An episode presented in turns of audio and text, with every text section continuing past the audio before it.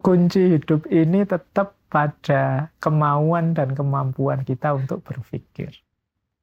Jadi begitu kita menutup pintu berpikir, kita tidak mau lagi terbuka untuk berpikir, itu alamat kita akan macet dan mandek. Jangan lupa bahwa anugerah paling besar yang diberikan oleh Tuhan, oleh Allah pada kita itu akal budi. Top. Jangan sampai anugerah terbaik ini kita diamkan, kita cueki begitu saja. Inilah Endgame.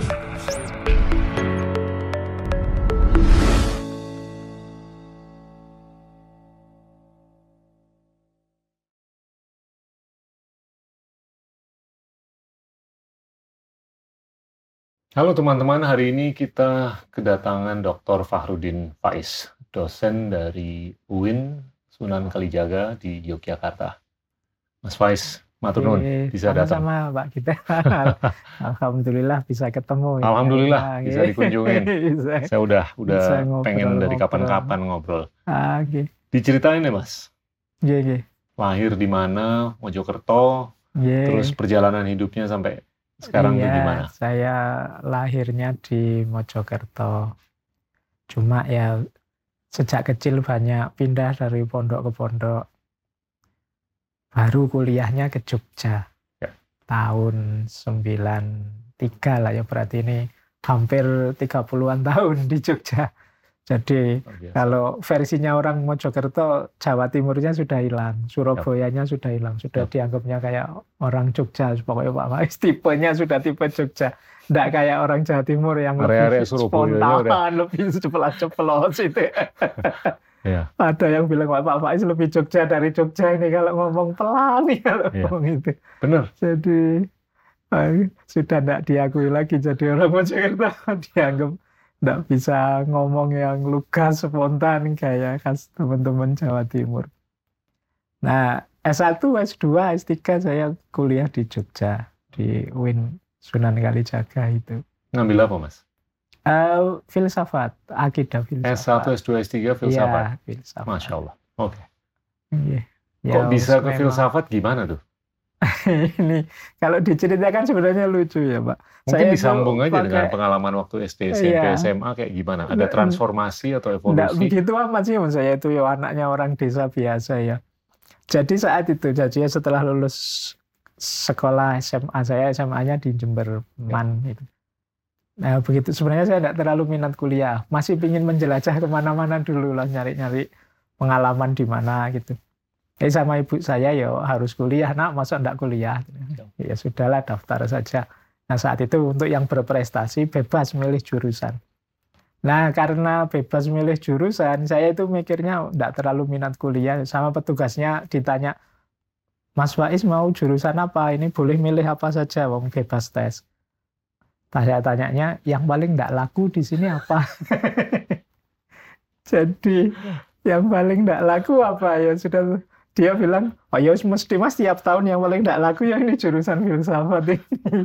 ya udah saya di situ saja. Itu bayangan saya sederhana saat itu. Ini kalau jurusannya peminatnya sepi, kuliahnya bisa santai-santai. nah, tapi terus masuk ke situ jadi, jadi belum belum ada pemikiran mengenai filsafat belum, waktu SMA belum. sama sekali tidak Masya membayangkan isinya apa.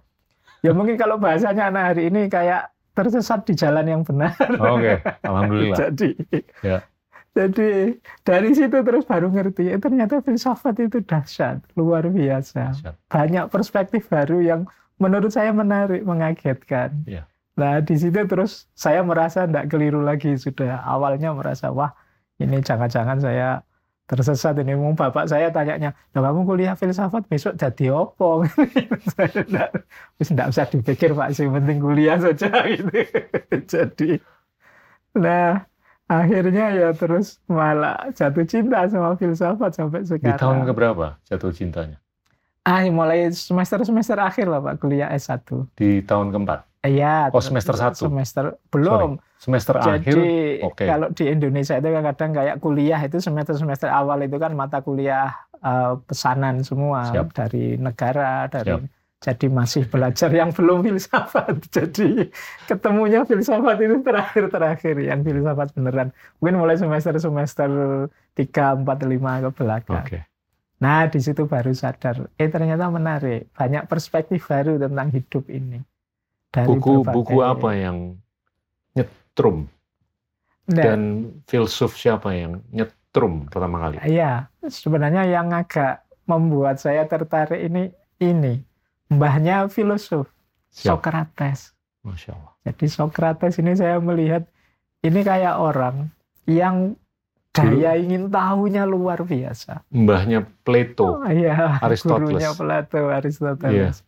Dia wawasannya tinggi, luas. Dia kalau ke mana-mana ndak ngajar, tapi mancing orang Hmm, agar bisa menemukan kebenaran. siap. Jadi dia ngasih pertanyaan orang, nguji orang, sampai orang itu nemu sendiri. Oh berarti ini yang benar. Ini bagi saya menarik. Kalau kita kan belakangan sukanya nyekoi orang. Oh ini loh yang benar, ini loh yang baik. Kalau Socrates enggak. Jadi orang Ya. diajak ngobrol, Hmm. dipancing dengan pertanyaan. Sampai dia sadar, wah aku ternyata keliru, yang benar ini. Ya. Nah itu menurut saya menarik. Budaya yang dilakukan oleh Socrates ini. Dan dia dikagumi murid-muridnya kan sampai kayak Plato itu nulis itu Luar enggak biasa. pernah pakai tokoh dia sendiri, Betul. selalu gurunya. Betul. Nah, ini The Republic. Iya, jadi menurut saya wah ini tokoh ini luar biasa. Ya. Dan dia juga yang menurut saya menarik lagi dia melawan orang-orang sofis. Siap. Orang-orang sofis ini dikenal orang-orang pinter, tapi dia menggunakan kepinterannya untuk kepentingan yang dia inginkan. Ya. Ah, itu jadi misalnya yang bayar siapa, pikirannya harus berorientasi begini, mereka mau. Ini kan yang Hmm. terkenal dari orang sofis. Ya. Nah, itu dilawan oleh Socrates. Nah, ini menarik bagi saya perjuangan semacam ini. Jadi, Tapi itu nyambung dengan keterbukaan. iya, Terbukaan untuk berpikir. iya. Dan- Jadi, Tidak ada upaya untuk mengindoktrinasi. dan itu yang ternyata nanti dia ini malah dianggap membahayakan Iya. oleh negara. Iya. Karena merusak pikirannya anak-anak muda. Iya. Mungkin maunya negara saat itu anak muda itu mikirnya "Wis sudahlah seragam saja Betul. sebagaimana yang Betul. dikasih oleh negara. Betul. Nah, ketika anak-anak ini mulai tanya macam-macam, wah, Socrates ini dianggap membahayakan negara kan, akhirnya dia dieksekusi mati. gitu. Jadi resikonya begitu ternyata. Saya, saya mau balik ke poin ini, tapi Iya. dilanjutin Mas mengenai perjalanan akademisnya. Ye, Terus. jadi ya terus itu seneng dengan filsafat. Akhirnya ya begitu ada kesempatan S2 saya ambil lagi. Saya sebenarnya ingin ngambil S3 yang filsafat, cuma di UIN saat itu belum ada filsafat, adanya studi Islam. Saya ambil studi Islam tapi saya disertasinya filsafat.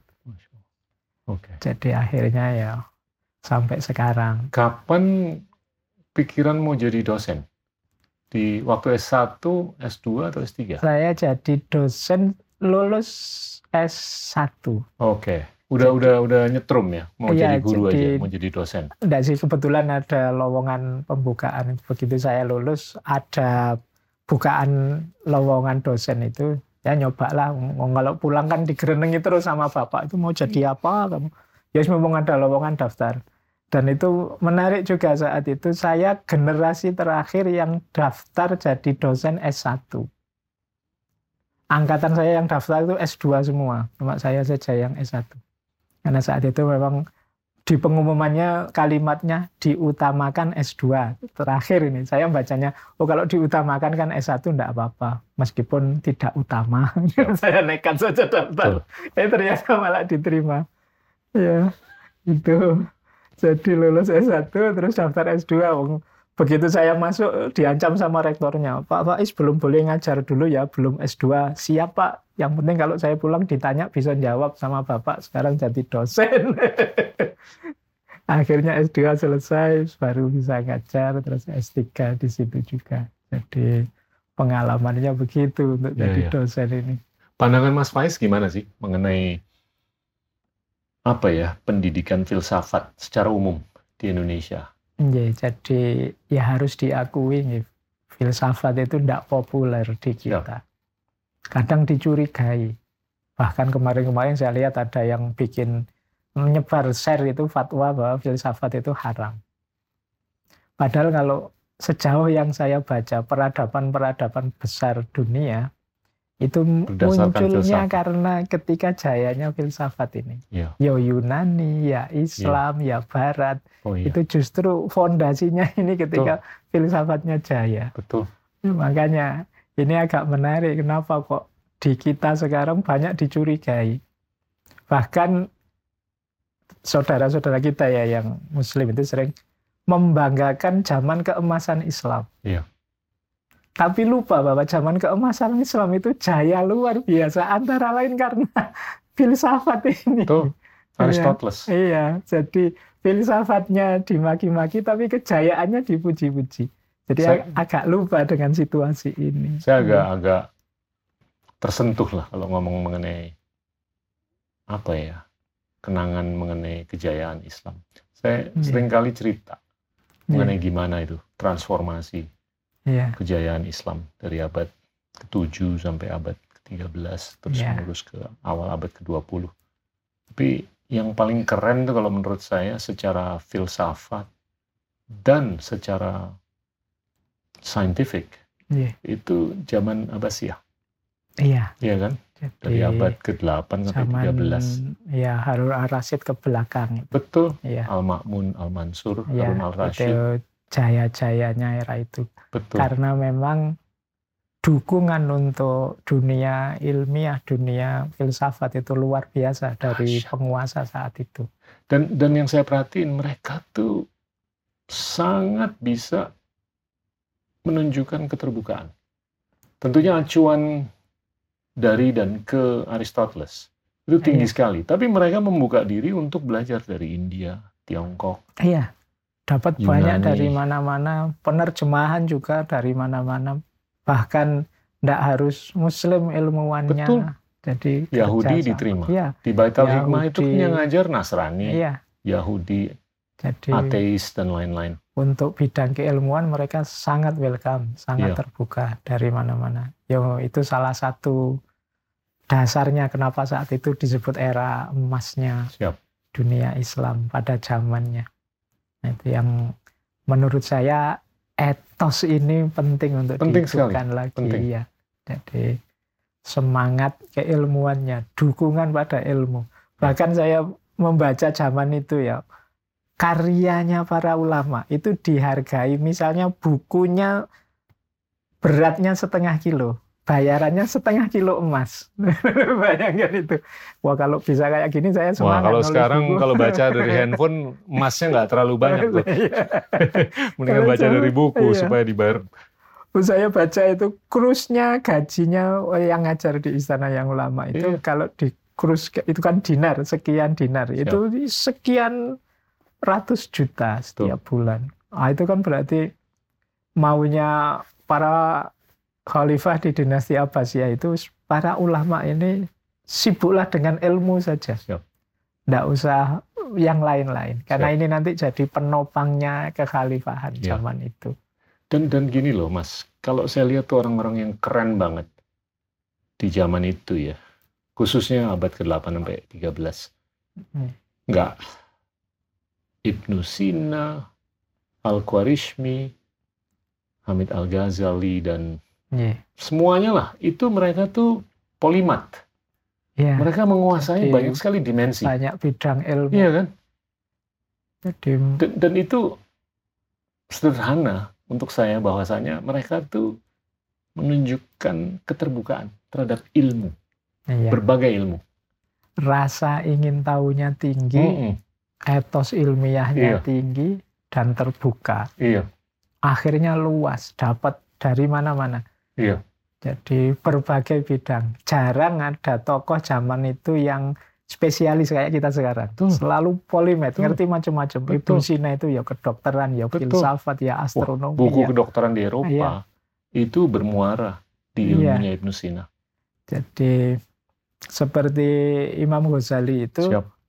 Karyanya itu empat kali lipat usianya saat beliau meninggal.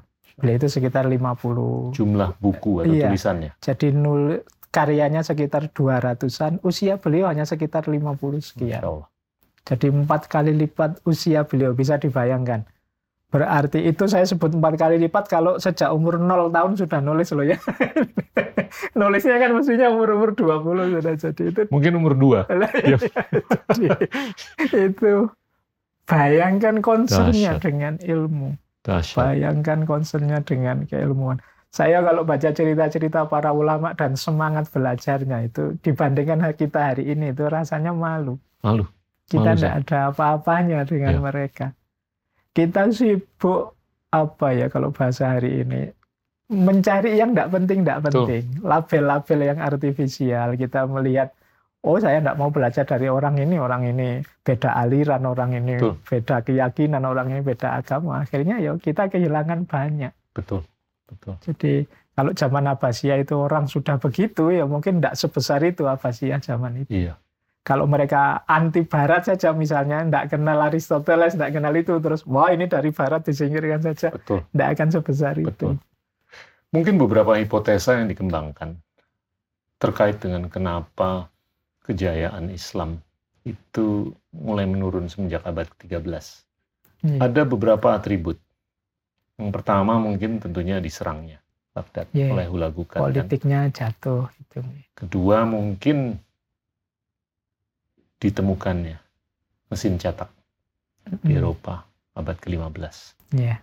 yang bisa mengakselerasi dokumentasi dalam bahasa Eropa sehingga mereka niscaya lebih berpengetahuan, lebih Iya. berpendidikan dibanding yang ada di Timur Tengah waktu itu. Iya. Yang ketiga mungkin yang saya mau tanya, ini adalah perdebatan antara filsuf namanya Hamid Al-Ghazali dengan yang lainnya, Iya. ya kan? Gimana tuh pandangannya Mas Iya. Faiz? Jadi Imam Ghazali memang sering kalau bahasa saya dituduh ini gara-gara tulisan-tulisan beliau ini umat Islam peradaban ilmiahnya mas, macet. Siap. Ya harus kita pahami yang pertama begini. Imam Ghazali itu sufi pada akhirnya. Jadi beliau menulis karya monumental Ihya Hmm. Ulumuddin. Ya. Dia tentu saja sufi menulis dalam genre kesufian Siap. dengan gaya sufistiknya yang mungkin lebih cenderung fokus ke akhirat, orientasi tidak duniawi dan lain sebagainya. Nah, pikirannya Imam Ghazali ini menurut saya lahir Ihya Ulumuddin ini di waktu yang pas. Itu ketemu tadi variabel pertama, umat Islam pas kalah. Nah, situasinya kita Ya. sedang drop. Situasi drop ketemu wawasan-wawasan sufistik yang agak pasrah semuanya serahkan pada Allah. Ini pas sudah. Itu kan Pasrah kayak ngalah aja iya mereka. kayak orang sudah kalah disuruh sabar disuruh ngalah. Iya. Nah, bukan berarti nasihat untuk sabar ngalah ini salah, tapi momennya enggak pas. Betul. Jadi saatnya orang harus bangkit tapi malah disuruh sabar saja ya. Semuanya sudah ketentuannya Allah, kita Ya. pasrahkan saja. Nah, enggak jadi bangkit akhirnya. Ya. Termasuk di bidang ilmu. Jadi ini menurut saya masuknya pas momen itu akhirnya oleh banyak orang dituduh bahwa ini Imam Ghazali jadi biang keladinya. Padahal menurut saya itu ya sebenarnya mentalitas Betul. zamannya yang Baru agak harus ditaklukkan. iya baru Terus ditaklukkan baru kalah Pasrah. sedang trauma sedang Iya. itu dapat pelarian ajaran-ajaran untuk lebih cenderung pasrah itu Iya. sehingga akhirnya ya sulit Tapi ini sudah ini cukup bangkit. struktural, Mas. Selama 700 tahun. ya kan dari abad ke-13. Iya. Ya, jadi bahkan 800 tahun. Iya, sejak jatuhnya Baghdad itu kan kita agak Betul, deklinasi, betul. khususnya di bidang ilmu. Penasaran atau curiosity-nya itu nggak seperti apa yang mungkin kita lihat selama lima abad. Dari abad ke-8 sampai ke-13. Saya melihatnya ada fenomena yang pertama tadi ya, ketika negara jatuh, itu ilmuwan-ilmuwan banyak yang tewas. Tokoh-tokoh banyak yang tewas. Perpustakaan dihabiskan, dihancurkan oleh Mongol. Nah, zaman itu kan belum ada tadi kertas, belum ada kajian masif. Begitu kitab ini hancur, sudah habis dokumentasinya. Ya. Para ulama ini juga terbatas, mereka habis juga. Jadi penerusnya habis sama sekali. Jadi semacam terputus sama sekali dari Ya. peradaban yang begitu jayanya saat itu. Ya. Gimana untuk kita bisa membangkitkan Nggih, unsur apa ya penasaran atau curiosity? nggih. Jadi kalau saya curiosity itu sebenarnya natural kok. Ya. Setiap orang itu bayi manusia itu begitu dia bisa mikir itu biasanya ingin tahu macam-macam. Anak kecil itu begitu pikirannya jalan kan biasanya cerewet. Tanya, ini apa, itu apa, itu itu cerewet. Meskipun kadang dibungkam oleh orang tuanya, dikondisikan untuk sudah jangan cerewet. Ya. Akhirnya dia jadi diam, sudah tidak tanya-tanya. Nah, jadi menghidupkan curiosity itu menurut saya membiarkan orang berpikir terbuka. Hmm. Jadi kita kadang-kadang lebih sibuk membuat pagar. Ya. Jadi untuk anak-anak kita jangan begini ya, jangan begitu ya, jangan begini. Akhirnya mindset anak-anak kita lebih terbentuk untuk apa yang tidak boleh saya lakukan. Betul. Jadi, Bahkan sekarang orang tua itu jauh lebih overprotective iya, terhadap anak iya. dibandingkan zaman kita dulu. Waktu apalagi iya, tahun wah. 80-an, 70-an, 60-an. Dulu kalau kita mau nyebrang jalan, ya saya enak saja. jidat maksudnya. Iya kan orang tua juga Iya. ya nggak terlalu memperhatikan. Sekarang tuh di bener-bener terlalu dipagerin. Iya, Iya kan? jadi anak-anak kita tidak tangguh, apalagi didukung situasi hari ini, Iya. semakin tidak tangguh. Budayanya misalnya agak instan, Siap. pengen apa-apa, ya pengen cepat selesai. Kayak mahasiswa misalnya hari ini sering kalau dikasih tugas ya googling saja ngapain mikir capek-capek. Baca buku. Iya, yang lain juga sudah. ke TikTok. Iya, TikTok Facebook, saja. Instagram. saja. Jadi Twitter. akhirnya ya mereka apa ya kalau bahasa saya pengalamannya sempit. Iya. Jadi ketika pengalamannya sempit, bisa saja nanti dia tahu macam-macam ya dari Google dari itu, tapi tidak wise kalau bahasanya Betul. filsafat, tidak bijaksana, tidak ngerti. Ini ilmu ini untuk kapan, untuk apa, dalam situasi apa, di Betul. tataran apa. Itu yang kita kesulitan Betul. hari ini. Kankernya nih mungkin terjadi di tahun 2009. Hmm, Sewaktu didirikannya tombol like, iya.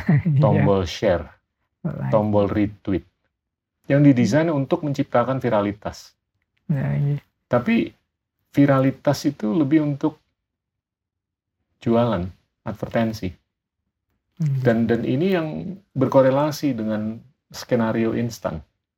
Iya kan? Dan dan viralitas seperti ini kalau menurut saya juga bisa dikorelasikan dengan peningkatan kasus depresi, anxiety, kesirikan dan segalanya. iya. Jadi kalau saya membaca hari ini itu selain kekuatan media digital, Siap. itu mindset kita itu mindset viralitas tadi. Iya. Kita tidak merasa eksis kalau tidak tampil dan tidak viral. Betul. Jadi semua orang fokusnya ke situ, membangun identitasnya dari situ. Iya. Aku ini orang yang berarti atau tidak, itu kalau postinganku viral. Iya. Makanya kita biasanya kalau sudah postingan bolak-balik ditengok, sudah berapa ribu yang Iya. like, sudah berapa ribu, karena kita merasa tidak berarti Betul. kalau sedikit yang melek. Jadi kita tidak perhatian ini loh yang kita sampaikan ini memang sesuatu yang Iya. baik, manfaat, berguna, Iya. relevan atau tidak. Kita tidak peduli itu. Kalau di YouTube, saya lebih ngeliat views. Saya nggak terlalu merhatiin likes Iya. Jadi atau dislikes yang kayak begini. ya Tapi kalau lebih banyak yang nonton yang syukur-syukur kontennya nggak terlalu negatif, ya artinya proses pendidikan tuh berjalan. iya. Iya kan? Jadi termasuk problem menurut saya kalau basisnya digital itu tataran. Iya. Tataran ilmu itu ini anak-anak itu kadang nggak ngerti tataran ilmu. Ya. Jadi tiba-tiba loncat. Saya itu pernah diskusi Pak kita. Diskusi umum sih online.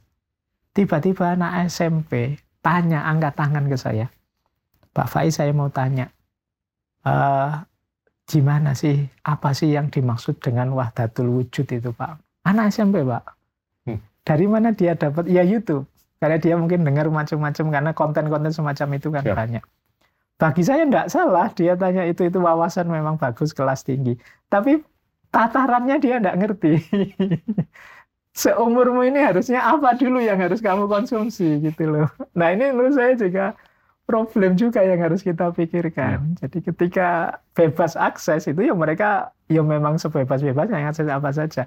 Nah ini kita tidak membekali mereka dengan ini tadi kesadaran tentang tataran-tataran, kesadaran kritis dan lain sebagainya. Jadi informasi banjir kalau bahasanya Paulo Freire itu kesadaran kita masih kesadaran mitis. Ya. Jadi yang pokoknya Betul. ada ya kita ikuti, pokoknya Betul. viral ya kita ikuti berarti itu baik. Ini kesadaran ikut-ikutan.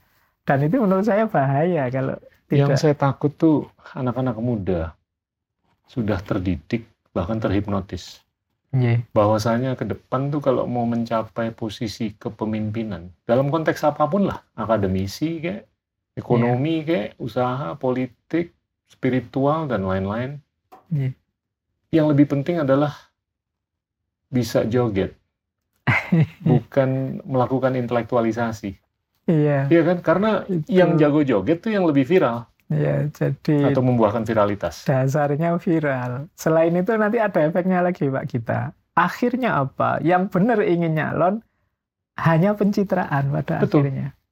Yang bisa begini-begini ah, kan? Iya, jadi mencitrakan dirinya biar diikuti orang banyak. Iya. Nah, jadi akhirnya kita juga sulit milih yang baik beneran yang mana. Wong semuanya pencitraan, semuanya ngejar like and viral. Gimana mengubah? Kalau emang kita sepakat bahwa viralitas itu bijaksana, sehat, dan baik untuk masa depan kita, ya kita nggak usah berdiskusi lagi. Yeah. Tapi ini kan kayaknya debatable, yeah. iya kan? Jadi... Nah, gimana kalau umpamanya ini bisa dianggap kurang bijaksana? untuk masa depan kita, gimana untuk mengubah agar proses ke depan tuh lebih nempel dengan intelektualisasi dibanding festivalisasi atau sensasionalisasi. Ya. Itu kalau bahasanya filsafat itu kita kalau berpikirnya semacam itu kita itu dangkal sebenarnya. Iya. Jadi tidak mendalam. Kalau filsafat itu kan meminta kita untuk ayo berpikir sistematis, mendalam, metodis, terbuka, dan lain sebagainya. Nah, ketika logika dan mode hidup kita ini dasarnya dari viral ke viral, di situ tampak kedangkalan. Nah, kalau kita ini dangkal, ya pada akhirnya hidup kita juga dangkal. Tidak dalam. Jadi kita ini ya hanya di permukaan saja akhirnya. Tentu nanti banyak potensi yang tidak tergarap. Bayangkan mungkin anak ini potensial loh jadi ahli fisika, ahli matematika. Tapi karena dia khawatir tenggelam, khawatir tidak dikenali orang, ya dia lebih milih latihan joget di TikTok. Banyak yang suka dia pada akhirnya. Yeah. Jadi kalau dikelola secara dalam, dia sebenarnya potensi bangsa ini jadi yeah. Tokoh besar. Tapi pada akhirnya kok tidak ada yang nge-like ya dia akan banting setir nyari yang bisa di like itu yang saya ya. sebut di antara bahayanya kita jatuh pada kedangkalan makanya ya penting bagi kita disiplin-disiplin kefilsafatan berpikir mendalam latihan refleksi menumbuhkan kesadaran yang tidak hanya mitis tadi tapi yang kritis yang yang mungkin bahasanya hari ini orang pakai istilah literasi ya. jadi itu bagi saya mulai harus ada. Jadi saya melihat hari ini kan hidup kita itu 50%, mungkin 70% lebih berhubungan dengan dunia maya. Tapi aturan hidup, norma hidup, nilai hidup yang kita miliki itu masih berhubungan Betul. dengan dunia nyata. Betul. Kita butuh lebih banyak lagi. Betul. Rumusan-rumusan baru. Saya, saya udah melihat sosial media ini atau medsos sangat sudah dan akan terus bisa mengpolarisasi percakapan. Okay. Ya kan? Dan yang muda udah terpengaruh, intelektual juga sudah terpengaruh, bahkan politik juga terpengaruh.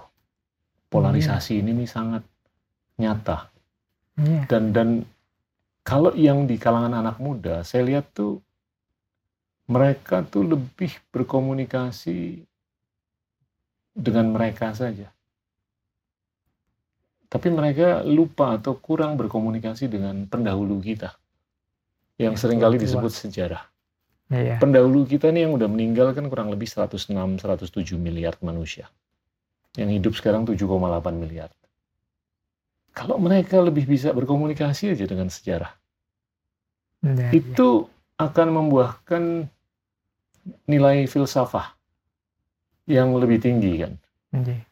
Ada banyak sebenarnya efek dari yang situasi ini ya, termasuk tidak hanya berkomunikasi ke belakang, berkomunikasi ke sekitar juga mereka tidak canggih.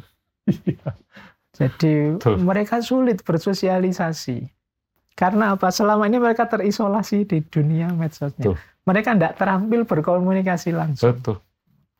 Wong kadang-kadang mahasiswa saya itu kalau ingin ketemu, Pak, saya ingin bimbingan, saya tunggu besok ya Pak di kantor jam 9. Jadi dosennya diperintah suruh ke kantor jam, tapi dia tidak sadar begitu kenapa? Dia tidak terlatih berkomunikasi. Jadi dia tidak sadar bahwa kayak gini ini tidak Kayak sopan. mau suruh Iya, kayak supir Gojek Iya, aja. iya. kalau Pak, mau nganterin besok- barang. Besok saya tunggu jam 9 di kantor. Nah ini kok aku diperintah suruh ke kantor jam 9. Nah, Wow. mereka juga mungkin tidak peka bahwa misalnya kalau saya ngomong kayak gini, ini orang bisa sakit hati loh. Iya. Orang bisa tersinggung loh. Orang ini relasi sosial juga Hmm. mereka tidak terlatih. Wong ya memang hidupnya sendiri tiap hari di depan gadgetnya. Oke lah, jadi pola komunikasi ini saya mau coba bungkus dalam observasi yang saya perhatikan akhir-akhir ini.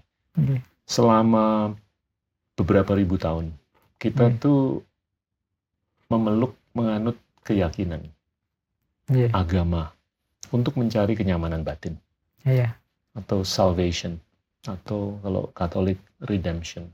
Iya. Tapi telah terjadi kegelisahan. Karena beberapa hal, tapi salah satunya adalah kemunafikan di kalangan Iya. pimpinan atau kepemimpinan iya. dalam lembaga keagamaan iya.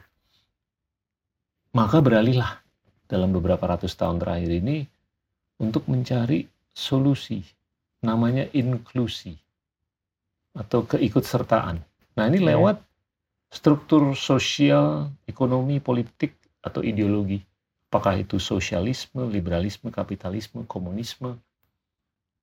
Tapi akhir-akhir ini kelihatan ada lagi kegelisahan karena keikutsertaan ini nggak inklusif, nggak merata, Iya kan? Iya, Ada yang dapat seribu, ada yang cuma dapat satu. satu.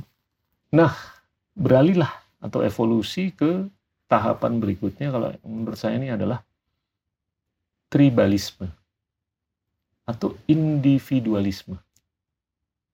Ya wes, gua ngurusin RT gua aja, lu ngurusin RT lu. Yang penting gua aman, selamat, enak, keren, sejahtera. Gua nggak peduli. Nah ini semakin kita nggak menunjukkan kepekaan kan terhadap satu sama lain. Iya. Gimana mas? Kita hari ini semakin egois. Itu kelihatan banyak. Itu tadi di antara orang egois itu kan di antara ciri sosial skillnya kurang.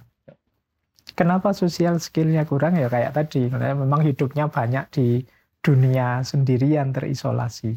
Dan ini nanti mengefek termasuk ke agama, ke ideologi kita, cara kita hidup itu efek ke situ. Kayak agama sekarang, saya tadi bilang jangan-jangan hidup kita ini dangkal. Hari ini banyak fenomena yang menunjukkan bahasa saya kedangkalan beragama, bukan kematangan dalam beragama. Jadi misalnya agama yang jadi formalistik saja. Agama yang kayak formalisme, pokoknya sudah sholat ya sudah. Pokoknya sudah. Nah ini parameter-parameter formalnya. Melupakan misi besarnya agama. Atau bahkan ketika orang tadi pakai istilah egoisme, individualisme tadi, banyak orang yang bahkan memanfaatkan agama untuk kepentingannya. Iya. Sebenarnya ini kepentingan egois, cuma di atas namakan agama. Saya itu sering ngasih contoh ke teman-teman. Misalnya kan di Al-Quran itu ada ayat wala takrobus zina, jangan deket-deket zina. Tapi ada juga ayat waja'alnakum su'uba wa qabaila lita'arofu dan kami ciptakan engkau berbangsa bersuku-suku untuk saling mengenal. Nah ini orang pakai dua ayat ini kadang-kadang secara ganti-ganti sesuai kepentingan. Betul. Kalau pas saya tidak punya pacar, saya bilang ke orang lain wala takrobus zina. Hmm. Nah pacaran itu dekat dengan zina. Tapi begitu saya punya pacar, dalilnya ganti. Wajah alnakum su'uba wa qafaila ta'arofu. Kita itu diciptakan untuk saling mengenal. Saya tidak menyalahkan tentang dalilnya, cuma ini kepentingan kita dulu ternyata yang bunyi. Ayatnya kita ambil belakangan untuk kepentingan kita. Nah ini yang hmm. hari ini sering terjadi begini. Jadi egoisme kita, kita bungkus, kita justifikasi dengan dalil, dengan agama. Sehingga kesannya orang kita itu sangat religius, padahal hakikatnya kita itu sangat egois benar. Jadi apa yang kita tuangkan ini untuk membuahkan interpretasi, ini tergantung apa yang ada di kepala kita dan di hati kita. Yeah. Jadi ayat yang sama ini kan bisa ditafsir dengan berbagai kepentingan yang berbeda hal lah, atau iya. kepentingan atau apa pun lah. Gimana mas? Jadi yang pertama begini, beda-beda tafsir itu sebenarnya manusiawi. Asal tadi ya, yang nafsir ini memang tujuannya mencari kebenarannya, bukan mendahulukan kepentingannya. Kepentingannya dan kelompoknya dan lembaganya dan lain sebagainya. Yep. Ini menurut saya masih aman. Kemudian yang kedua, asalkan dia sadar ada jarak antara tafsirnya dengan teks kitab suci yang dia tafsirkan. Jadi banyak orang yang lupa bahwa nilainya tafsir itu beda dengan nilai teksnya. Siap. Akhirnya yang terjadi apa? Banyak orang, ini ada istilah filosof dari Maroko itu, Muhammad Arkun. Dia bilang tafsir itu oleh umat Islam hari ini sering berposisi seperti teks kitab sucinya. Istilah dia takdisul afkar ad-diniyah. Takdisul afkar ad-diniyah itu sakralisasi pemikiran keagamaan. Pada akhirnya yang kita sakralkan itu ternyata pikiran kita, ya. bukan agamanya. Betul. Nah, Sebenarnya ini problemnya bukan kok terus kemudian kita tidak nafsir. Tapi kita sadari bahwa tafsir kita itu derajatnya manusia. Hmm. Tidak ilahi. Hmm. Yang bisa keliru, boleh dikritik, bisa tidak pas, bisa melenceng, dan lain sebagainya. Hmm. Nah, kesadaran ini yang menurut saya di kita hari ini kurang. Belum lagi seperti tadi, kemudian secara tidak sadar kita mendahulukan kepentingan dibandingkan tafsirnya mungkin karena konsekuensi aliran, konsekuensi lembaga atau kepentingan-kepentingan yang lain. Nah, jadi berarti kuncinya sebenarnya nomor satu menurut saya, ayo kita sadari ya. fakta ini dulu. Nanti baru kita main dengan mana yang lebih sesuai dengan misi agama, dengan nilai agama dan lain sebagainya. Karena kalau kesadaran ini saja tidak muncul, pasti akan muncul banyak problem yang kita alami sekarang. Konflik antar Betul. beda pemahaman. Betul. Yang satu memahami gini, yang satu memahami gini. Karena menganggap bahwa pikirannya selevel kalau hmm. Islam Qurannya, nah, seolah-olah kalau ada orang bantah pemahaman kita terhadap Quran, itu dia bantah Quran. Padahal enggak, yang dibantah pikiran kita, yeah. tafsir kita. Nah, kesadaran ini yang menurut saya perlulah kita bareng-bareng sadari. Jadi hmm. paling tidak mereduksi konflik Betul. antar tafsir. Betul. Jadi paling tidak itu. Dan menurut saya ya kayak tadi belajar dari era keemasan Islam itu ulama-ulama yang luar biasa tadi itu ndak tunggal loh alirannya. Macam-macam. Madhabnya ndak satu mereka. Iya. Tapi mereka bisa kerjasama membangun peradaban hmm. ilmiah. Dan mereka tuh benar-benar dianggap sebagai otoritas. Iya. Ilmu. Ya kan? Iya. Dan, Jadi, dan gini loh, yang saya lihat nih ada kecenderungan sudah terjadi individualisasi. Lebih banyak daripada institusionalisasi yeah. terhadap beberapa keyakinan atau agama. Nah ini kan oke-oke aja kalau individualisasi ini terjadi di individu yang kaya dengan pendidikan, yeah. kaya dengan filsafat, kaya dengan pengetahuan. Tapi kalau kita lihat variabel apa variansinya, atau variasinya ini sangat signifikan dari sisi pengetahuan, pendidikan dan segalanya. Nah, ini gimana untuk meng apa ya? mengstandardisasi tentunya intuisi kita adalah untuk adanya suara yang memanifestasikan otoritas. Iya. Nah itu gimana tuh? Jadi memang harusnya dalam agama ya yang punya otoritas beliau-beliau para ulama, Iya. tokoh-tokoh agama yang ngerti bidangnya masing-masing. Cuma tadi dukungan peradaban viral tadi Iya. yang membuat semua orang ingin eksis, ingin viral. Hari ini muncul banyak orang yang apa kalau bahasa filsafat itu tidak kenal dirinya, tidak ngerti kapasitasnya. Hmm. Akhirnya dia juga ikut berfatwa, dia juga ikut Betul. ngomong hukum agama, dia juga ikut ini dan dia merasa bahwa ini benar. Sehingga terjadi chaos tadi. Setiap orang merasa berhak tampil, berhak ngomong di bidang agama, Ya. dia lupa bahwa itu bukan bidangnya. Dia tidak ahli di situ. Jadi karena individualitas tadi merasakan hakku untuk ngomong. Ini perlu uraian panjang ini tentang kesadaran hak ini. Ya. Kesadaran hak itu kalau plus lupa diri, lupa batas, itu juga bahaya. Jadi siapa aku ini? Saya berani ngomong filsafat misalnya ya karena saya ahli filsafat, tapi saya tidak berani ngomong fisika, saya tidak berani ngomong neuroscience, saya tidak berani, bukan bidang saya. Nah kesadaran ini menurut saya hari ini penting. Tidak serta-merta saya baca satu buku neuroscience misalnya, terus saya ngomong, ayo Pak kita kita ngobrol neuroscience. Tidak begitu, saya Nah. bukan ahlinya. Iya. Nah itu tapi banyak orang hari ini merasa begitu Iya. membaca satu postingan tentang cara sabar. Oh, terus saya bisa nasihati orang sekarang tentang sabar. Nah, ini yang sulit karena kalau bukan ahli. Bahkan belum dibaca udah di forward. Ah iya, sekarang banyak itu. Jadi begitu dikirim di forward, ada di copy paste saja terus tidak ngerti Hmm. padahal di bawahnya ada kalimat ini salah apa benar, hoax apa enggak itu lupa dia di bawahnya ada tulisan Oh, itu ya sering, forward sering saja. sekali. Iya. Kita terjebak di situ. Kita tidak betah baca, dibaca atasnya saja seolah-olah ini fakta. Padahal sebenarnya ini dia ingin tanya ini benar apa tidak. Iya. Tapi itu sudah kita share. Di, di lingkaran yang kecil aja, Iya. itu udah nyata bahwasanya mudah sekali untuk siapa pun tuh untuk meneruskan, melanjutkan informasi yang sangat asimetris, Iya, makanya yang nggak betul, Makanya ya kan? ada tanpa dilakukannya pengecekan atau baca. Banyak yang belum dibaca langsung di forward, iya. apalagi diverifikasi Hari langsung di forward. Jadi kalau istilahnya filosof namanya yang diat itu. Hmm. Kita itu hari ini peradaban kita namanya ekstase komunikasi.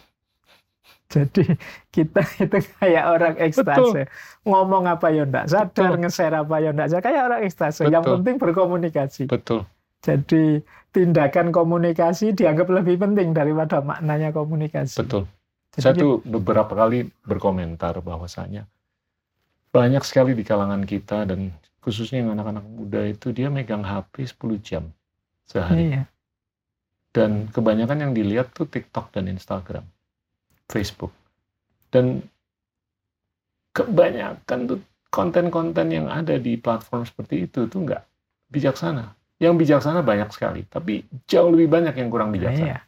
Nah ini kan platform yang tidak tereditorialisasi dibanding koran atau TV yang lebih tereditorialisasi. Nah ini gimana kita mengawal? Ini kan ibarat kata mereka adalah generasi TikTok, generasi Instagram yang diasuh oleh TikTok dan Instagram. Jadi sering saya bilang ke teman-teman yang aktif-aktif bikin konten itu. Hari ini memang PR kita seperti yang dibilang Mbak Gita tadi. Kita kesulitan membendung konten-konten yang apa ini ada manfaatnya. Iya. Ya. Tapi memang mode peradaban kita hari ini semacam itu. Berarti salah satu cara yang menurut saya penting adalah ya kita saingi, kita banjiri Iya. konten-konten TikTok itu dengan konten yang positif. Saingan wis enggak apa-apa. Karena satu-satunya jalan itu. Karena kita enggak TikTokan enggak mungkin sudah. Iya. Enggak Twitteran enggak mungkin, enggak itu enggak mungkin. Jadi antara lain ya mungkin teman-teman saudara-saudara yang aktif di medsos itu, yuk kita banjiri dengan yang positif. Iya.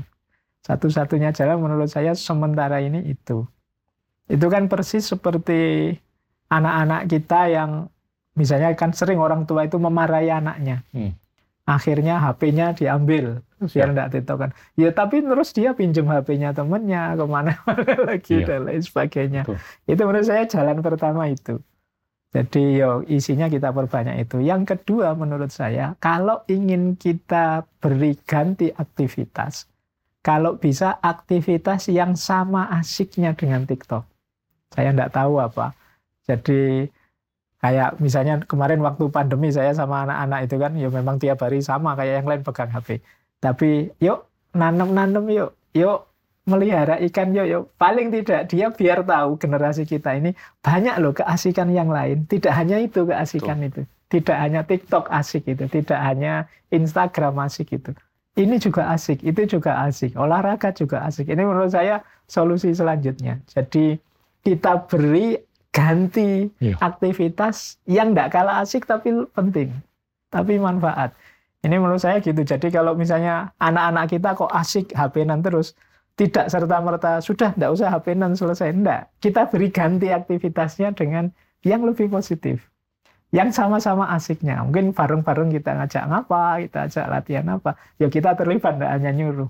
Nah, ini menurut saya menarik. Jadi kita beri gantinya yang tidak kalah asik atau ya kita ikut masuk tapi kita isi dengan yang Betul. positif-positif.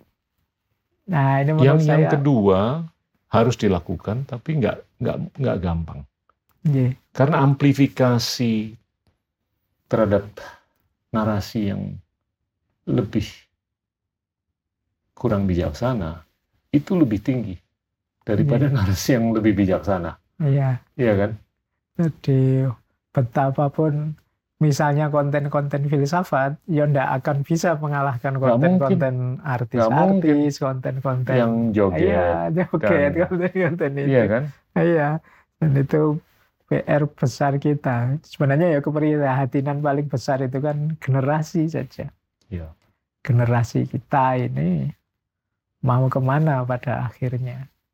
Nah ini saya mau tanya, generasi kita ini mau ke mana ke depan? Kalau saya coba bungkus dalam konteks agama, kalau di agama Nasrani itu kan ada otoritas namanya paus. Iya, Dia yang bisa mengambil sikap dan penyikapan itu semestinya adalah otoritas Mm-mm. atau cermin dari otoritas dan harus diikuti. Tapi kalau di agama Yahudi atau Judaism dan Islam nggak ada. Yang semestinya kalau di Islam itu kan ulama. Iya, Itu semakin kita melihat akhir-akhir ini individualisasi, interpretasi terhadap agama Islam, semakin kita membutuhkan kan otoritas. Tapi karena tidak adanya otoritas yang bisa menyatukan interpretasi atau penyikapan ke depan, apa sih yang minimum kita bisa lakukan untuk membawa narasi kebangsaan kita ke depan nih semakin keren? Iya. Jadi kalau saya tetap tadi Pak kita, setiap orang sadar porsi dan proporsinya. Ini yang pertama. Harus ngerti saya itu berdiri di mana sebagai apa, punya kapasitas kemampuan apa. Jadi biar tidak lintas pagar. Untuk hal-hal yang serius, yang penting dalam hidup ini orang harus sadar. Tahu batas dan tahu dirinya. Kemudian kalau dalam Islam misalnya kan manusia itu dianggap setara semua. Jadi berarti setiap orang punya hak dan punya kewajiban tertentu untuk mendalami agamanya masing-masing. Tapi dia juga harus sadar batas kemampuannya. Iya. Jadi dia harus ngerti. Oh kayak saya misalnya, saya ngerti sedikit-sedikit tasawuf, tapi fikih saya tidak ngerti. Hukum ini, hukum itu saya tidak paham. Jadi jangan tanya saya tentang itu. Jadi orang harus ngerti batas ini. Karena kadang-kadang bahkan otoritas yang misalnya jadi rujukan itu juga kadang-kadang juga tidak paham batas dirinya. Sehingga ditanya apa saja dia harus jawab. Nah ini juga menurut saya masalah yang harus dipikirkan. Karena orang juga harus tahu batasnya. Kalau memang tidak tahu, jawab saja tidak tahu. Atau bukan bidang, jawab saja bukan bidang. Tapi ya, kadang-kadang ada rujukan, ada otoritas yang pokoknya saya harus jawab segalanya. Ini juga nanti jadi trouble juga dalam kehidupan kita. Karena otoritas ini jadi rujukan yang diambil. Yang kedua itu. Kemudian yang ketiga ya tentu saja literasi. Tuh. Hari ini saya kira kelemahan kita dalam banyak hal itu literasi. Iya. Jadi kita sulit sekali apa paham bahwa saya itu harus ngerti ini dulu, harus anu ini dulu baru boleh ngomong. Itu sulit sekarang ketemu orang yang sadar dan mau belajar, mau literasi. Kalau yang mau tampil banyak, yang mau eksis banyak, yang mau belajar yang jarang. Ini yang jadi PR kita semua. Tidak salah orang ingin tampil, ingin eksis.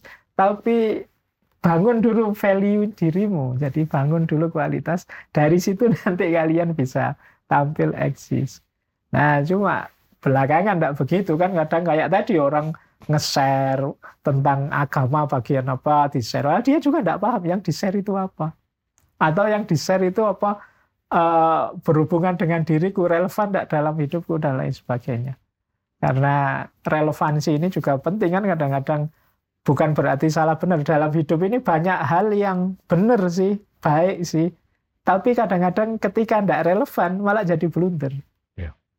Kayak tadi misalnya orang sedang kalah, terpuruk, males-malesan, tidak mau bangkit. Terus kita nasihati untuk sabar. Loh, ini kan blunder menurut saya. Orang sudah males disuruh sabar, itu tambah males nasihat sabar ini kan baik, tapi dia tidak pas posisinya. Jadi tidak harusnya kok saat ini dikasih nasihat sabar. Tapi perlu ada kepemimpinan. Nah, iya kan? Iya. Yang bisa mengangkat semangat. Nah, itu tadi. Nah, istilah kepemimpinan tadi ya. Yang kira-kira bisa menggerakkan seperti ideal saya bilang tadi siapa? tentu saja orang yang punya otoritas tadi. Iya. Para pemimpin, para pemuka ini iya. tadi. Kepala Jadi, RT, kepala ah, RW, iya. kabupaten, Jadi, kota, provinsi. Dan mau tidak mau ya kalau bahasanya Fuku kan yang punya power mereka. Iya.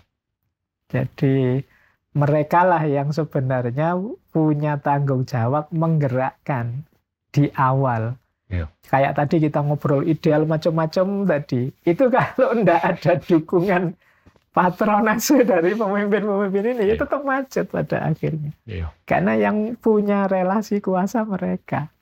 Saya sempat bicara dengan salah satu narasumber. Ya. Kita ngebahas mengenai ikro.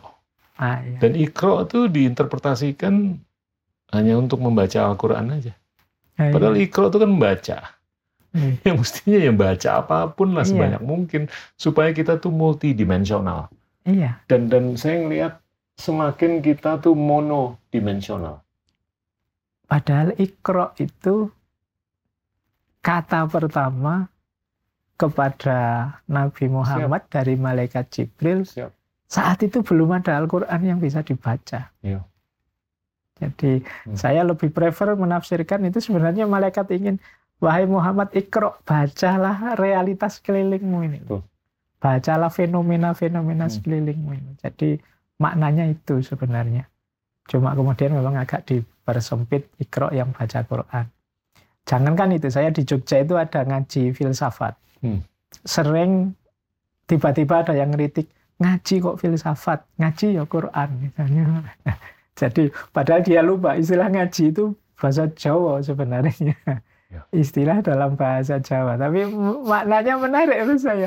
Tapi orang dianggapnya itu pokoknya kalau ngaji ya mesti Quran. Ya. Padahal itu dari Jawa. Ngaji itu kan saya memaknanya dari kata dasar aji. Jadi ngaji itu anu menuju kemuliaan, menuju aji. Jadi orang Jawa punya kearifan ya. Kalau kita belajar apa pun itu pastikan korelasinya dengan peningkatan kualitas diri. Jadi kita yang jadi semakin mulia, tidak sekedar membaca formalitas saudara falan, tapi dari aktivitas ngaji itu kita tambah aji, hmm. tambah mulia sebagai manusia meningkat kualitas kita. Nah makanya saya pakai istilah ngaji filsafat. Tapi yang tidak ngerti dianggapnya ngaji itu ya mestinya Quran. Nah ini menurut saya ya penting pencerahan-pencerahan semacam ini untuk Betul. orang banyak paling enggak biar enggak sempit itu saja. Tuh. Jadi ngaji untuk Al-Quran ya benar juga, cuma enggak hanya itu, itu maksud saya. Jadi orang itu seringnya merasa bahwa ya cuma ini makna itu. Iya. Padahal ada banyak variasi, banyak alternatif makna. Saya tuh sering ngangkat paradoks di mana kita melihat demokratisasi informasi itu udah Iya. kaya sekali. Iya. Kita mau cari informasi mengenai apa aja tuh ada dan dari kanal yang beribu-ribu. Iya. Tapi ini nggak nyambung dengan demokratisasi ide. Hmm. Ide itu hanya itu-itu aja. Yang kiri dan yang kanan terpolarisasi justru. Iya. Iya kan? Nggak terjadi spektrum. Nggak kaya spektrum. Iya. Spektrumnya hanya yang paling kiri, yang paling kanan. Nah ini mungkin bisa dikorelasikan dengan labelisasi. Gimana kita Hmm. begitu gampangnya mengelabel seseorang. Wah, si A itu gini, si B Hmm. itu gitu. Nah Iya. itu kan bisa dikaitkan dengan sosial, budaya, politik, ekonomi, teknologi, dan lain-lain kan. Nah itu kalau menurut saya itu sangat memilah Iya. bangsa. Nah itu gimana tuh untuk kita tuh bisa menghindar dari labelisasi. Kalau agama itu, kalau dalam Islam ada kalimat yang saya suka. Undur makola walatandur mankola. Lihat apa yang dikatakan. Jangan melihat siapa yang bicara. Ini menurut saya salah satu Mantap. quote yang bagus. Hmm, Jadi, suka. Nah, iya. Bahkan ada Sayyidina Ali bin Abi Thalib itu seandainya pun meskipun anak kecil ngajar saya satu huruf saja tak anggap dia guru. Ya. Padahal dia anak kecil. Jadi tidak kita labeli Allah anak kecil ngerti apa. Tuh. Kalau dia memberi pengetahuan padaku ya tak anggap guru. Hmm. Kalau dia memberi wawasan baru padaku tak anggap guru. Jadi lebih ke isi bukan bungkus. Ini kalau saya melihat nenek moyang kita dulu luar biasa memahami ini. Mereka bahkan bisa sudahlah wadahnya bisa apa saja kok asal isinya ini. Itu nenek moyang kita makanya dulu misalnya kayak Jawa itu punya tradisi religius sampai kuno sampai purba namanya agama kabudayan. Hindu datang enggak masalah, monggo saja datang bareng-bareng kita. Betul. Kemudian Buddha datang, ayo monggo gak apa-apa, substansinya sama kok, monggo saja kita. Nah, terus Islam datang juga begitu, masuk dengan nyaman semut, tidak ditentang dan lain sebagainya. Jadi ini menurut saya kesadaran level tinggi. Sementara kita hari ini begitu ngerti label yang berbeda, berarti bukan aku. Betul. Jadi, oh labelmu gitu, aku labelmu ini. Warnaku merah, kamu warnanya hijau. Dia warnanya kuning, berarti kita beda. Kalau beda berarti kita saling musuh. Nah ini cara berpikir hari ini banyak begitu. Kita menganggap perbedaan itu sebagai ancaman buat kita. Jadi karena kita berpikirnya kalau pakai bahasanya Derrida itu selalu biner. Dianggapnya hidup ini Betul. hanya ada hitam dan putih. Ya tentu saja aku punya label A, dia punya label B. Yang putih harusnya aku dong, Iya. kamu yang hitam. Jadi akhirnya apa? Terus jadi peradaban yang saling menegasikan. Iya. Jadi kita membuang saudara kita, kita menyingkirkan tetangga kita, kita eh, menafikan khazanah-khazanah luar biasa dari orang tertentu, kelompok tertentu hanya karena labelnya beda. Be- Begitu mudahnya kita tuh tergerus atau terbelenggu dengan negativitas. Nah. Iya kan? Iya, Yang dikaitkan dengan labelisasi. Tanpa mendengar apa yang disuarakan. iya. Hanya melihat siapa yang menyuarakan.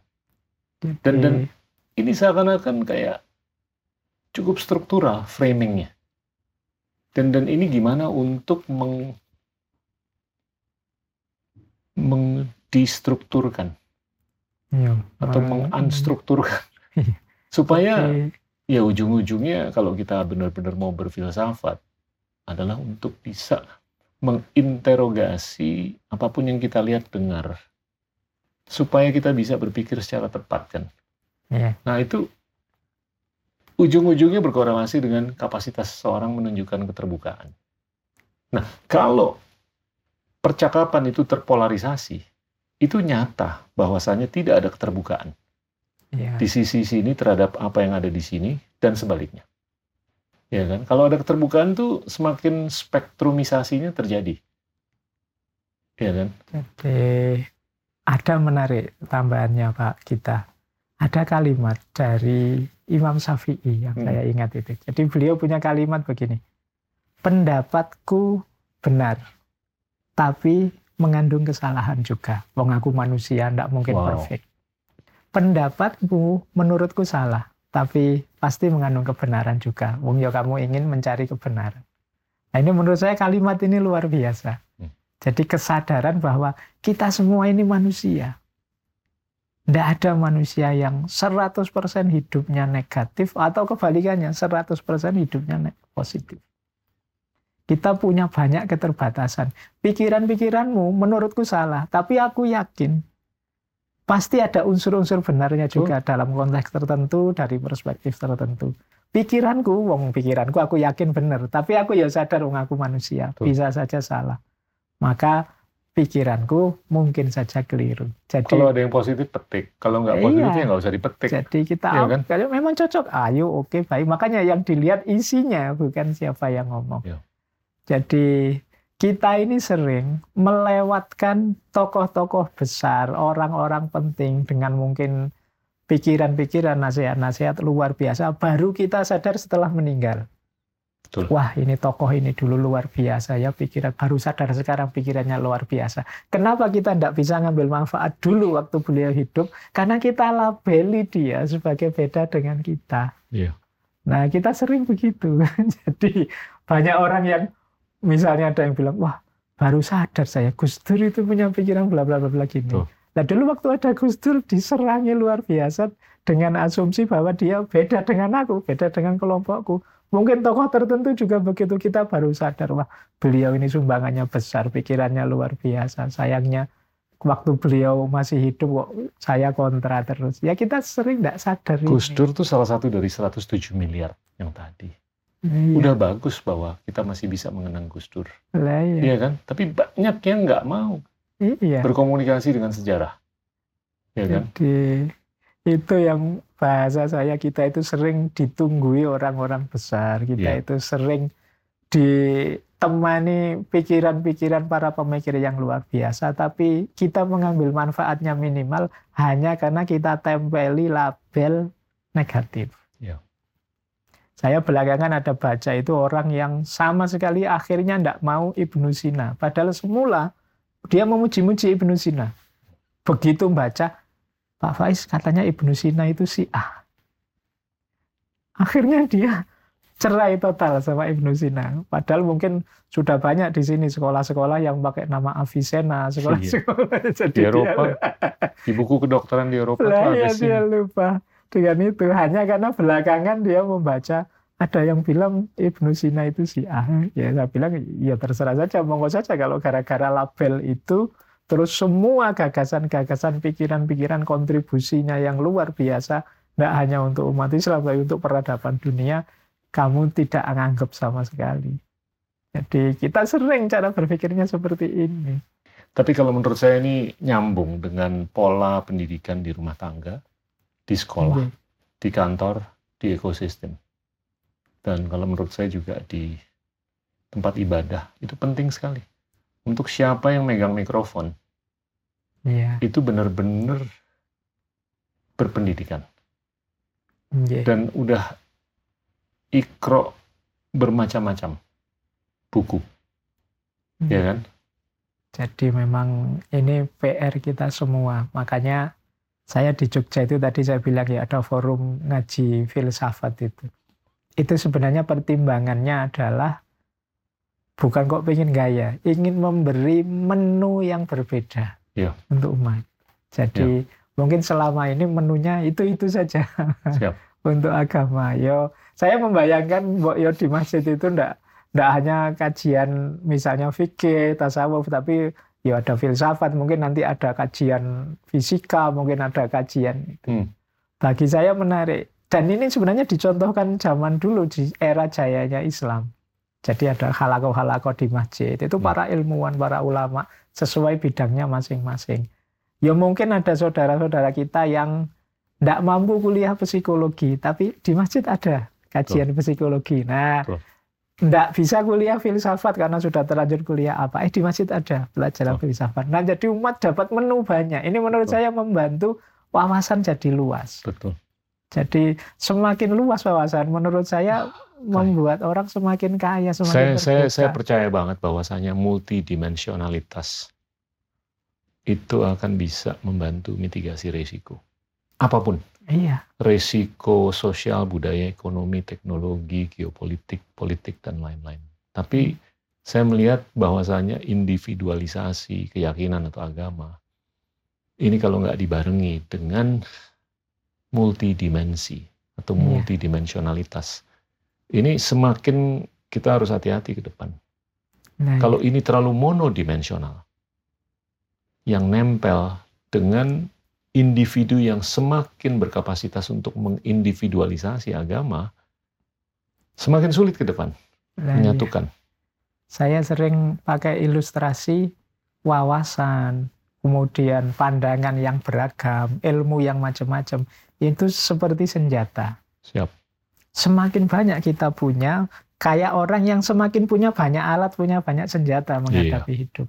Betul. Kalau kita punya sendok, punya pisau, punya Iya. palu, punya macam-macam, itu kan ketika menghadapi masalah, oh ini solusinya sendok karena yang saya hadapi nasi.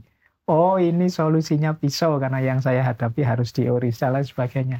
Tapi kalau kita alatnya cuma satu, pisau saja misalnya, ketemu nasi pun ya kita pakai pisau Betul. akhirnya. Betul. Kalau kita alatnya cuma palu, ya Iya. ketemu apa pun kita perlakukan kayak Iya. paku akan kita pukul. Iya. Jadi bahasa Harus ada saya, ambidexteritas. Ah, Iya kan?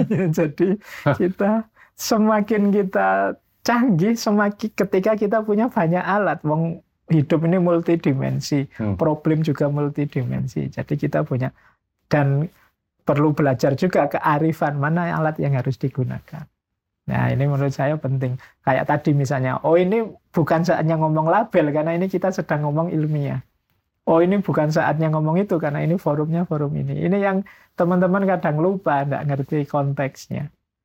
Jadi kayak saya di masjid kadang-kadang masjid ada tema Nietzsche, ada tema Karl Marx itu kan orang heran. Loh ini konteksnya belajar, bukan saya nyuruh orang jadi Karl Marx nyuruh orang jadi enggak. Biar kalian tahu bahwa kalian pakai atau enggak enggak masalah. Bahkan seandainya kalian ingin enggak setuju pun harus paham dulu kan. Hmm. Jadi makanya yo ayo ditelaah, ayo dipelajari. Wong ini sebagai ilmu, kayak tadi sebagai senjata. Ya siapa tahu pada saatnya kita memerlukannya. Kita ini kan hidup dalam demokrasi kan. Hmm. Tapi kita semakin sulit melihat demokratisasi ide. Iya. Justru kalau saya lihat di seluruh dunia, kecenderungan dalam berbagai atau banyak demokrasi untuk mengseleksi talenta itu lebih berdasarkan patronase ataupun loyalitas, Iya. bukan berdasarkan meritokrasi. Iya. Ya kan? Ini discount untuk narasi kebangsaan kita ke depan. Iya. Pandangannya Mas Faiz gimana? Iya, sebenarnya kesadaran demokrasi itu sudah kita jalani lama dan kita menganggapnya ya sudah otomatis sekarang itu kita harus demokrasi. Tapi kita jarang berpikir dalam itu tadi. Iya. Karena ya tetap ada celah-celah. Betul. Ketika demokrasi misalnya dipakai oleh karena demokrasi kan belum masuk itu aspek-aspek kayak katanya buku relasi-relasi kuasa ketika main harusnya ini demokrasi itu ya pilihan langsung misalnya setiap orang milih.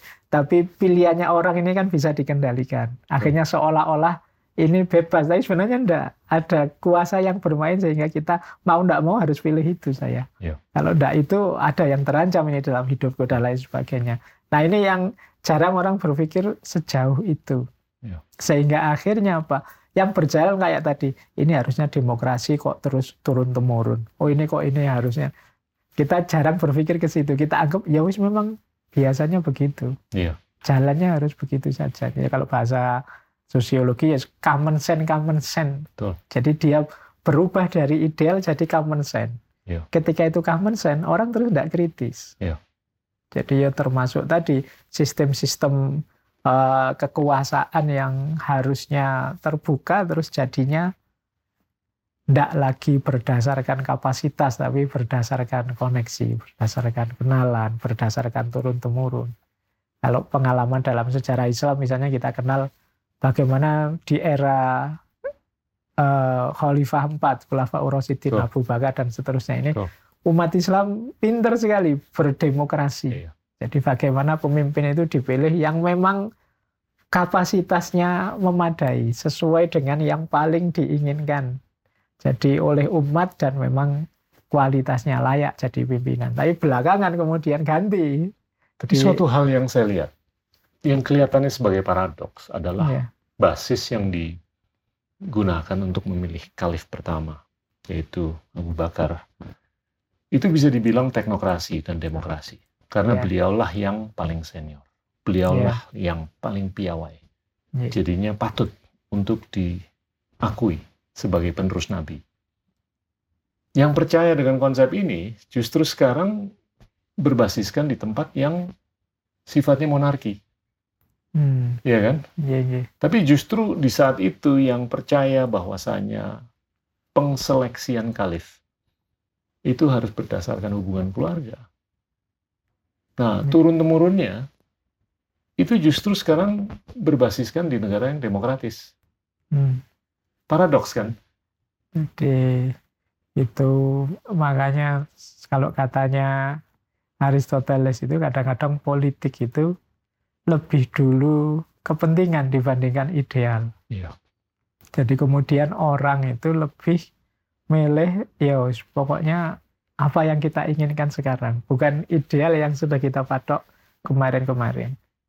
Tapi menurut saya ya kadang-kadang kita perlu juga punya idealisme. Ya. Jadi tidak sekedar ya memang tuntutan situasinya begitu. Karena justru manusia itu mulia dalam hidupnya ketika dia setia dengan nilai-nilai, ketika dia punya nilai untuk diperjuangkan, tidak sekedar mengalir saja mengikuti situasi.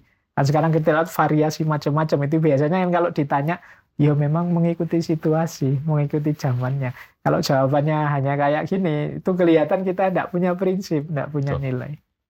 Jadi saatnya menurut saya kita juga punya nilai untuk ditegakkan, meskipun tidak abai dengan kenyataan. Saya ingat satu Hmm. kalimat bagus dari tokoh kita, wali kita, kebanggaan kita, Sunan Kalijogo. Siap. Sunan Kalijogo itu punya kalimat begini, angeli ananging ora keli. Angeli itu mengalir, ora keli tapi tidak tenggelam. Jadi ya tidak apa-apa kita ikuti arus itu saja, tapi jangan tenggelam dong. Menarik. Tidak tenggelam itu berarti apa? Ya kita punya prinsip, punya ideal yang ingin kita tegakkan, punya ide-ide yang ingin kita semaikan. Tidak sekedar mengikuti situasi. Itu bayangkan Sunan Kalijogo era itu sudah punya kalimat Ratusan luar biasa. Iya, jadi angeli ananging ora keli, mengalir tapi tidak tenggelam. Hmm, jadi ikut arus tapi tidak kita tidak tenggelam. Ya biar kan ada juga itu kalimat dari quotes yang sering disebut orang itu hanya ikan mati yang ikut arus. Aduh, menarik, menarik, menarik. kalau ikan hidup dia tidak akan ikut arus begitu saja. Dia punya prinsip. punya Iya, Apalagi itu. salmon. Ah, Dia iya. bisa ngelawan arus. Dia ngelawan arus. Jadi hanya Saya ikan. bukan mau menganjurkan aliran tertentu. Hmm. Mas, saya mau ada buku yang udah ditulis yang mengilustrasikan perpolitikan di Indonesia. Iya. Itu merupakan manifestasi dari keseimbangan dari tiga hal. Yang pertama adalah Islam, Iya. dua civil society, yang ketiga adalah aparat keamanan. Nah, Iya. itu aparat keamanan mungkin sampai akhir abad ke-20 itu TNI. Tapi Oh, iya. masuk ke abad ke-21 itu TNI garis miring kepolisian. Nah, menurut Mas Faiz ini ke depan gimana? Keseimbangan ini bisa terwujud secara optimal antara tiga unsur ini? menurut saya ada unsur yang lebih bermain kalau untuk konteks masyarakat Indonesia. Itu main karena itu mayoritas-mayoritas. Tapi ada lagi mentalitas masyarakatnya. Siap. Masyarakat kita menurut saya sampai hari ini sebagian besar cara berpikirnya masih apa ya? patronistik lah, feudalistik atau idolatri. Jadi fokusnya idolanya sebenarnya. Jadi dia mengidolakan siapa, ya itu yang dia ikuti. Jadi seperti kata Pak kita tadi ini pemimpin-pemimpin, para leader, para patron-patron di tengah masyarakat itu nanti akan jadi kunci. Jadi siapa yang diidolakan, siapa yang diikuti oleh uh, rakyat, oleh masyarakat, dia nanti yang jadi kunci mau dibawa ke mana ini situasi ini ketika ditambah media digital yang serba viral hmm, tadi. Semakin. Ah, ini semakin tambah. Gurih. tambah jadi orang semakin bisa digoreng, iya, semakin bisa gurih. Kita itu anti berhala, tapi sebenarnya kita idolatri, mengidola idola. Iya. Jadi saya mengidolakan siapa. Kalau sudah idola, wis pokoknya tidak mungkin salah sudah. Iya. Ah, itu kita berpikir kita kan begitu. Idolakan tokoh ini, pemimpin yang ini, ustadz yang ini dan lain sebagainya itu kita terus terkotak di situ tidak mungkin salah. Maka akhirnya apa nanti yang memegang pengaruh para idola ini ya. dan bagaimana mereka mempertahankan pengaruh keidolaannya, status quo bahwa dia harus tetap jadi idola. Nah itu nanti akan banyak cerita-cerita pencitraan, viralitas dan lain sebagainya. Nah, ini nanti akan jadi kunci di situ. Saya tidak tahu cara mengubah mindset sebagian besar kita. Ada yang bilang ya yes, memang seperti itu orang timur.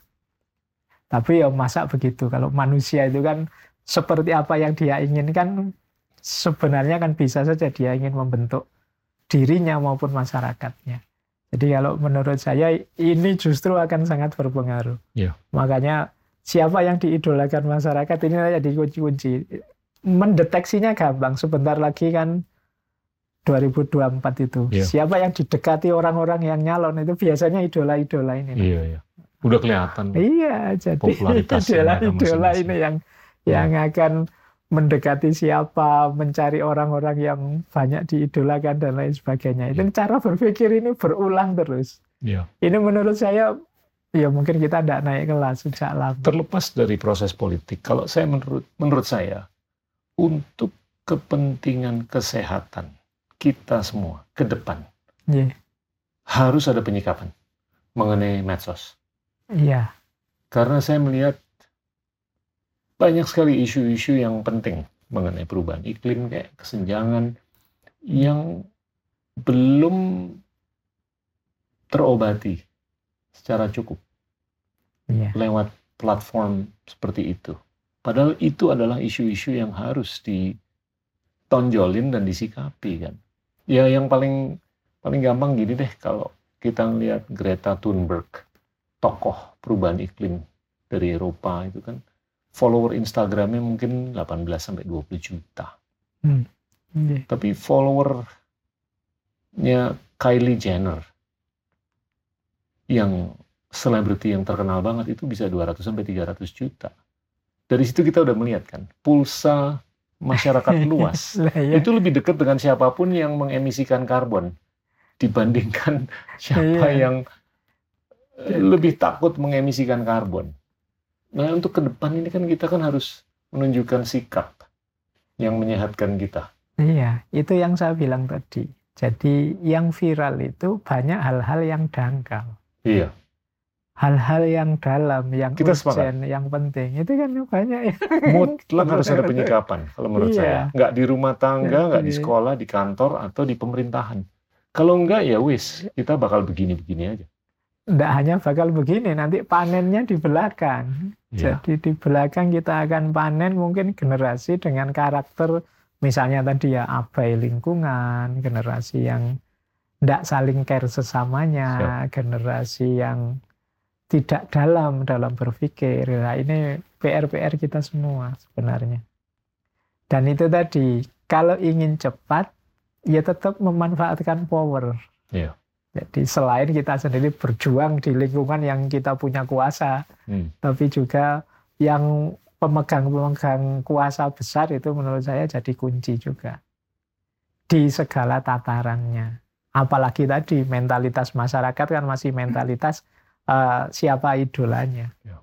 Nah ini dan geraknya harus bareng-bareng. Kesadaran ini sulit kalau yang gerak satu dua, sementara yang lain tidak ikut gerak atau mengisi dengan sesuatu yang tidak relevan. Jadi kita capek-capek dia bikin yang lain atau mengarahkan ke yang lain sehingga kalau bahasanya anak hari ini akhirnya ya terdistraksi ke sana. Anak-anak itu tidak lagi fokus ke yang baik ini. Tapi ini juga sekaligus tantangan pada konten-konten kreator hari ya. ini. Kayak Sunan Kalijogo tadi loh. Siap. Jadi iya sih kita ikut viral tidak apa-apa. Kita mengejar disukai banyak orang tidak apa-apa. Tapi, Tapi yo jangan tenggelam. Ya. Jadi kita harus punya prinsip, punya idealisme. Itu keren tuh tadi. Iya. Jadi saya baru dengar tuh. Iya itu. Boleh ngalir tapi jangan tenggelam. Jangan tenggelam. Jadi yo karena kalau kita mengalir tenggelam mengaruh saja ya kayak tadi kita kayak ikan mati ya akhirnya. Iya. Mas saya mau nanya pertanyaan-pertanyaan terakhir tolong diberikan definisi filsafat okay. untuk teman-teman yang dengerin ini. Iya. Jadi saya itu sering mendefinisikan dua filsafat itu. Yang pertama, berpikir yang benar. Okay. Sederhananya itu. Yang kedua, cinta kebijaksanaan. Ini sederhana sekali, tapi maknanya dalam. Jadi berpikir yang benar itu banyak di antara kita merasa bisa berpikir. Tapi sebenarnya belum. Jadi banyak orang yang bilang Allah mikir saja ya semua orang bisa. Tapi banyak orang yang bahkan tidak mau berpikir, tidak ya. sekedar tidak bisa berpikir. Justru PR besar kita antara lain tadi berpikir. Termasuk problem viral dan lain sebagainya tadi. Kalau orang mau berpikir sebentar saja, ya. itu akan ketemu banyak lubang-lubangnya. Saya melihat Jadi, kecenderungannya itu tinggi sekali untuk banyak sekali di sekitar kita, bahkan di diri kita juga untuk tidak bisa berpikir secara objektif. Iya. Makanya filsafat dulu lahir di Yunani itu kan mendobrak cara berpikir serba mitos. Orang hmm. Yunani kan punya percaya Zeus, yeah. Hercules dan lain sebagainya itu. Nah dia datang untuk masuk jawab persoalan hidup kok pakai mitos-mitos. Nah, dia datang dengan logosnya, berpikir yang benar. Itu kalau bahasa saya filsafat itu lahirnya dulu memberantas TBC, tahayul bid'ah khurafat versi Yunani tapi karena orang sering pakai kalimat ini tahayul bid'ah khurafat tapi di Yunani dulu dengan TBC. berpikir ya. Jadi Nah, menurut saya ini perlu dihidupkan lagi karena tahayul-tahayul kita, hurufat kita, mitos-mitos kita hari ini kan termasuk TikTok-TikTok tadi. Termasuk Instagram. Itu kan banyak jadi mitos-mitos hari ini.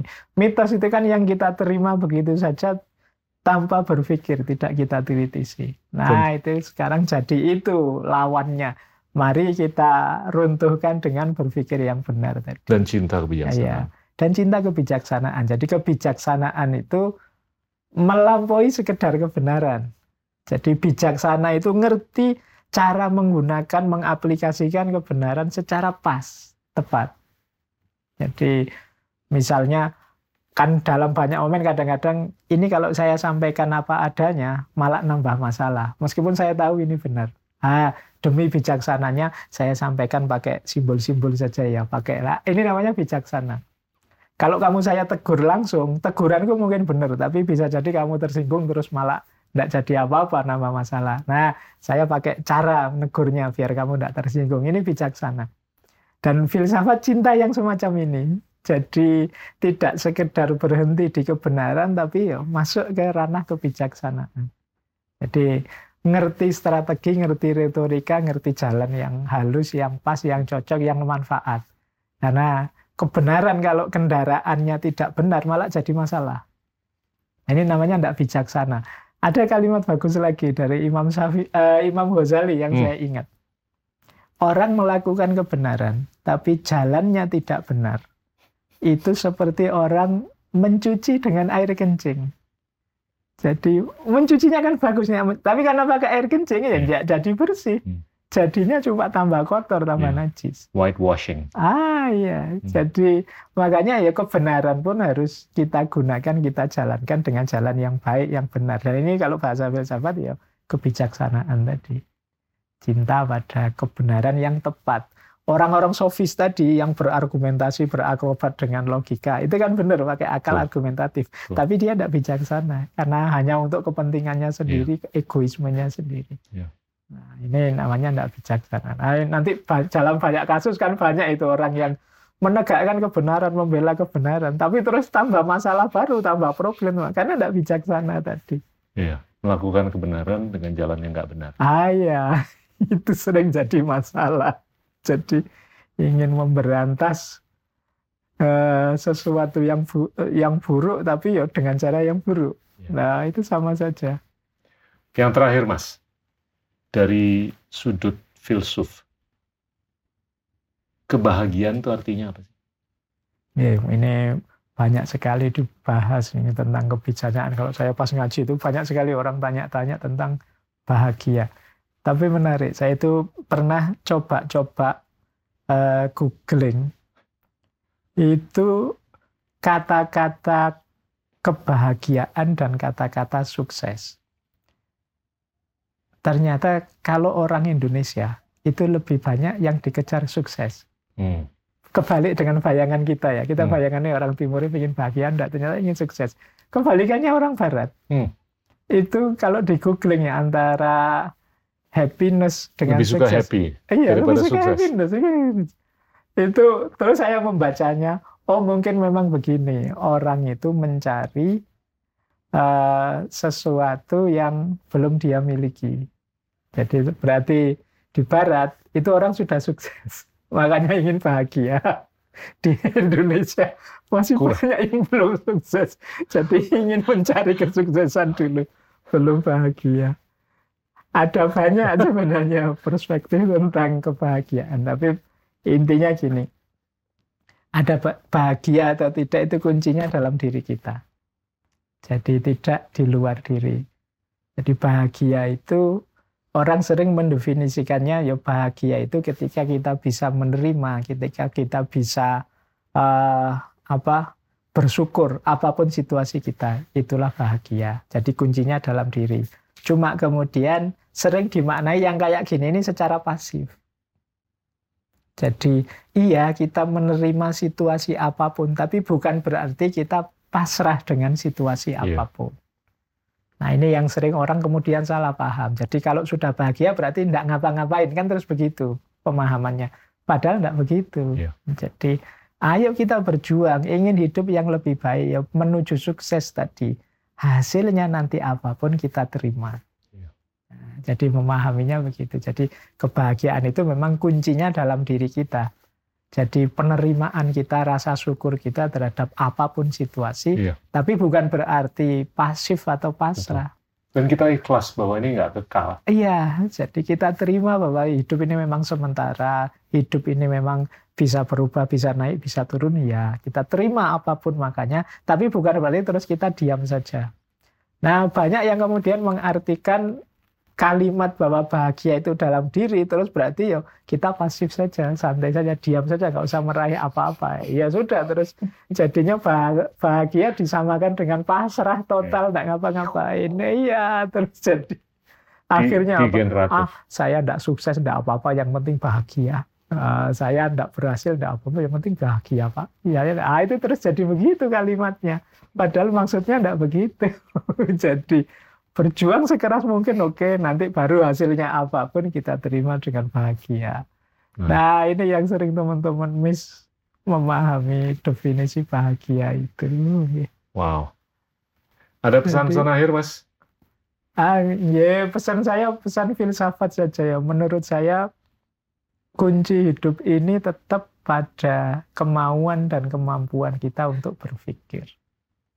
Jadi begitu kita menutup pintu berpikir, kita tidak mau lagi terbuka untuk berpikir, itu alamat kita akan macet dan mandek. Jangan lupa bahwa anugerah paling besar yang diberikan oleh Tuhan, oleh Allah pada kita itu akal budi. Top. Jangan sampai anugerah terbaik ini kita diamkan, kita cueki begitu saja. Nggih, saatnya kita manfaatkan top, itu top, top, sebaik mungkin. Nggih, saya kira Mas. itu Pak. Kita. Suwun. Nggih, Mas Faiz. terima kasih. Nggih. Teman-teman itulah Dr. Fahrudin Faiz, dosen dari UIN Sunan Kalijaga, Yogyakarta. Terima kasih.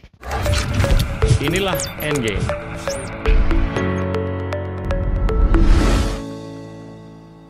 Sama 2012 malah saya ke sana sudah sama dua arah tidak diatur saya diceritain bapak saya. terus nunggu yang baliknya kan diajak ngobrol sama yang masih kontraktor masih bangun di sana Iya. Individualisasi. Kalau begini, Indonesia kurang loh obrolan kayak gini. akademis kita ini. Amin. Ya, siap, siap, siap, siap. Tiga. Siap. tiga dua satu sekali lagi